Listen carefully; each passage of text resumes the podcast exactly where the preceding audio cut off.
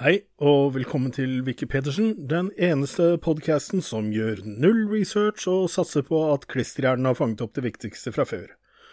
Her er det ingen garanti for at alt er 100% korrekt, men med litt arroganse og ikke et snev av selvironi er det sikkert 99% korrekt, garantert banna bein. Mitt navn er Halvor, og det er min hjerne som har like mye klister som et glass med kirsebærlikør. Før jeg starter podkasten i dag, vil jeg takke for alle de fine spørsmålene. Jeg håper alle som har lyst på svar på ting, sender inn.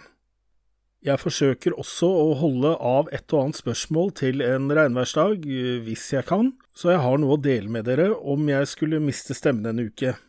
Så send gjerne egne spørsmål som du merker med at ikke haster eller noe til denne. Alltid lurt å ha noe i bakhånd.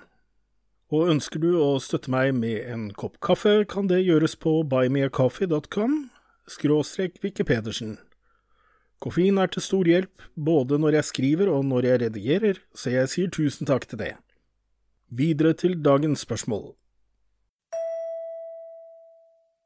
Ole Fredrik på Theisen spør hva er forskjellen på knute og knop, og hvorfor heter det knop og knute?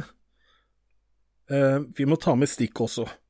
Knute er den generelle samlebetegnelsen for når man tar noe som kan knytes, som tauverk, bånd, snører, liner og lignende, og lager buktninger og innstikk som kan strammes til.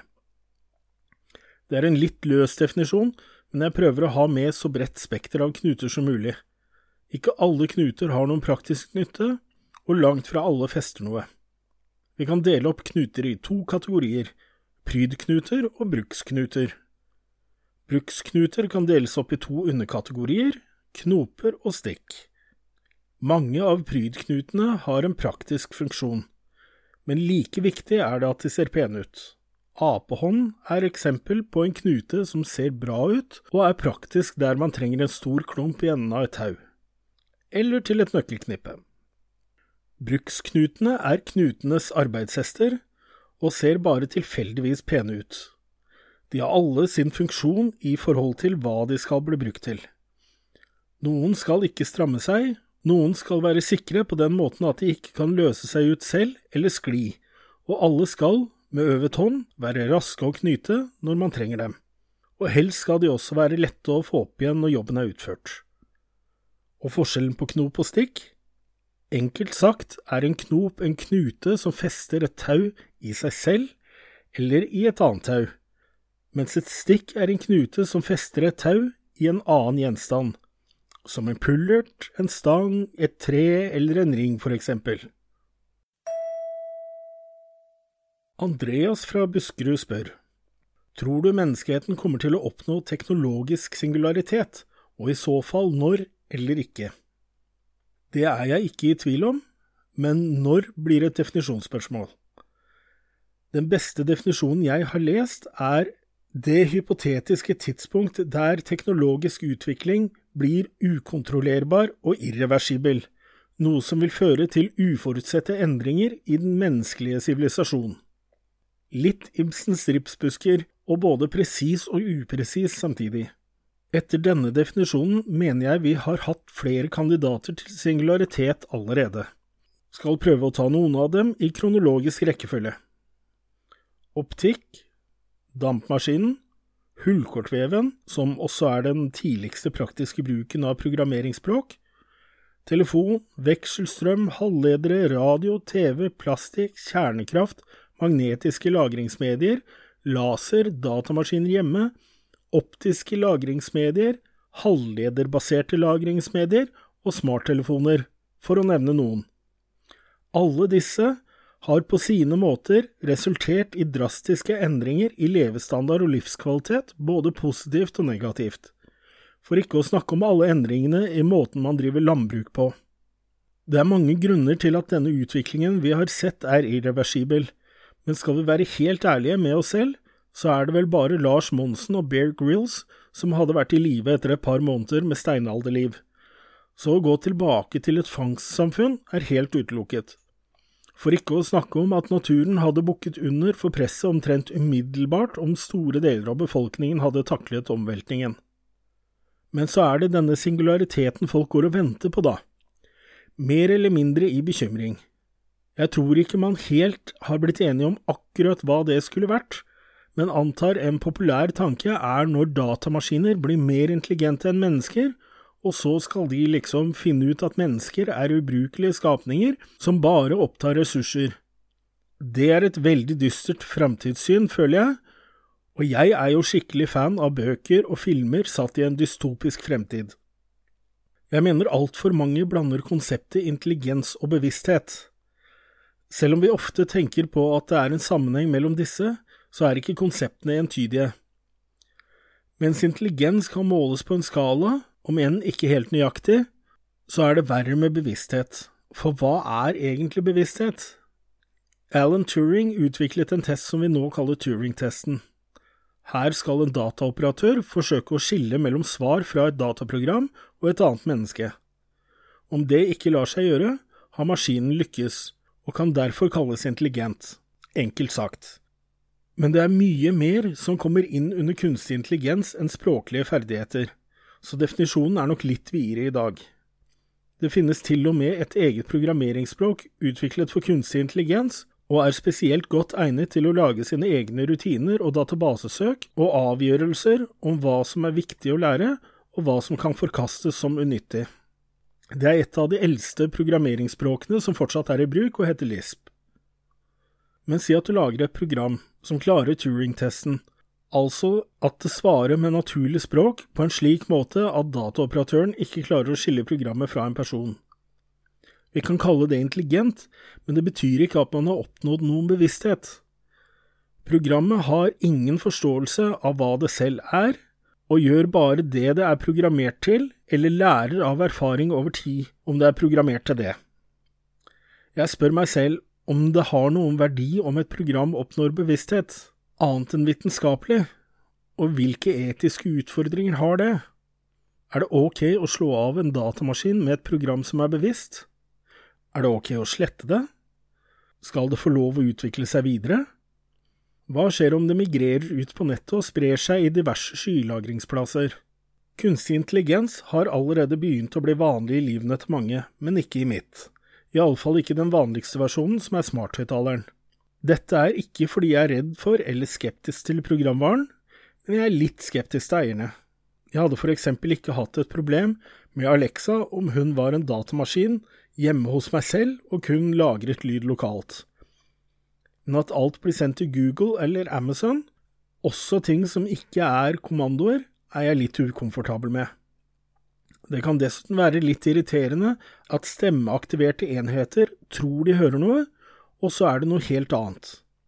Jeg måtte slå av Google Assistant på telefonen min fordi den stoppet podcaster jeg lyttet til, fordi den reagerte på ord i podcasten hele tiden og ikke én av de podcastene hadde ordene Hei Google.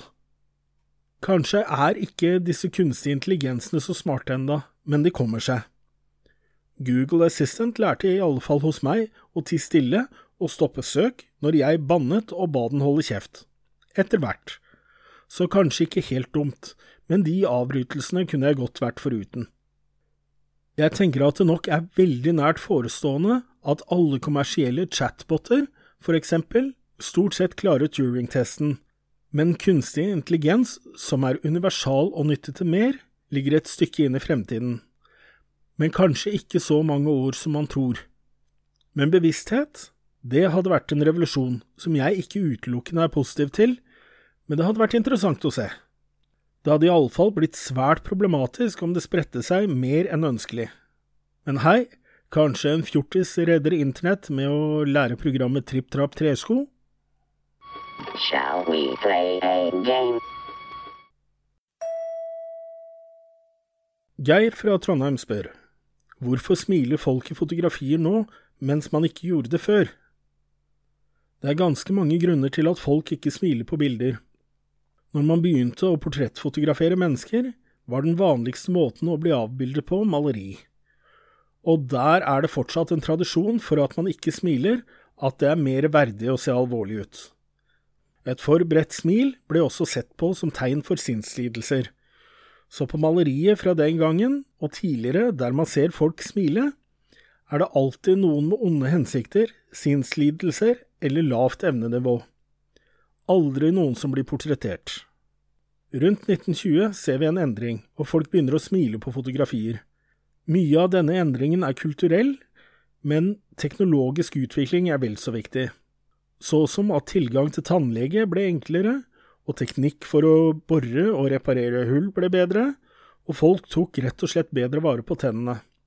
Selv om det var vanlig før dette å mangle en tann eller fem, var det ikke nødvendigvis sånn at man ville vise det på bilder. Det var så dyrt å gå til fotograf, så det var ikke dagligdags å bli fotografert, så da ville man vel se mest mulig verdig ut også. Og eksponeringstiden var lang. De tre vanligste fotografiske prosessene når fotografi begynte å bli vanligere fra midten av 1800-tallet og utover, var daguerreotype, tintype og wetplate. Alle med relativt lang eksponeringstid, som etter hvert ble senket noe ettersom man fikk bedre og raskere linser.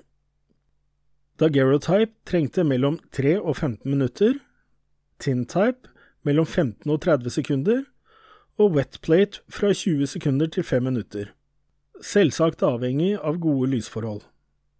Det sier seg selv at dette er veldig lenge å sitte helt stille og for eksempel smile. Å få folk til ikke å bevege hodet var lettere. Alle fotografer hadde en hodestøtte med en jernstang bak stolen modellen satt i, med en bøyle som han lente hodet mot. Denne var på et eget stativ og justerbar. En liten digresjon. På slutten av 1800-tallet var det to typer portrettfotografi vi ikke lenger har. Jeg vet ikke hva det kalles på norsk, men på engelsk heter de Hidden Mothers og Morning Portraits. Morning Portraits er som navnet indikerer portrett av døde mennesker. Dette oppsto fordi det var så dyrt for folk å gå til fotograf at den avdøde muligens ikke hadde unnet seg dette mens denne var i live, og så ville familien ha et bilde som minne. Eller det var barn som hadde dødd. Jeg har sett eksempler på det også i Norge. Hidden Mothers var barneportrett der barnet satt på fanget til mor for at det skulle sitte stille, mens mor var gjemt under diverse tekstiler. Dette fungerte bra nok, barnet satt stille, det, men jeg anbefaler et søk om du har lyst til å titte på bilder som er overraskende skumle å se på, spesielt om du ikke vet at det er mor som er den ubestemmelige tekstilspøkelsesformen bak. Jeg synes vi skal være takknemlige for at teknologien har forandret seg til det bedre rundt 1900. I 1900 kom det første masseproduserte kameraet, som skulle være så billig som mulig. Det brukte også rullefilm, så man slapp å ha både mørkerom og en haug med glass eller metallplater med seg. Det var Kodak sin aller første brownie, og revolusjonerte markedet for fotografi på en måte vi ikke har sett igjen før mobilkameraet ble godt nok på smarttelefoner. Etter hvert var et kamera allemannseie, og det at man kunne eksperimentere med en og annen eksponering på en åttebildersfilm, gjorde sitt. Det var også med Brownie-kameraet at uttrykket snapshot kom. Snap i snapshot er et onomatopoetikon, her brukt for lyden av lukkeren i kameraet. Så, når 20-tallet kom, den store krigen var over og samfunnet var i endring og folk hadde penger og var optimistiske. De glade 20-årene, så det var vel et passende tidspunkt for å begynne å smile på bilder. Man kunne altså ta frivolige bilder av glade mennesker som ønsket å bryte med tradisjonelle roller. Det var spørsmålene for i dag. Takk som spør. Jeg oppfordrer alle lyttere til å sende inn både nye spørsmål og kommentarer, og jeg kan nås på wikipedersen at aol.com. Det var wikipedersen at aol.com. Jeg kan dessuten følges og kontaktes på Twitter, der jeg er at Wikipedersen. Støtt gjerne podkasten med en kaffe på buymeacoffee.com skråstrek Wikipedersen. Og så håper jeg du deler denne podkasten med en venn. Farvel!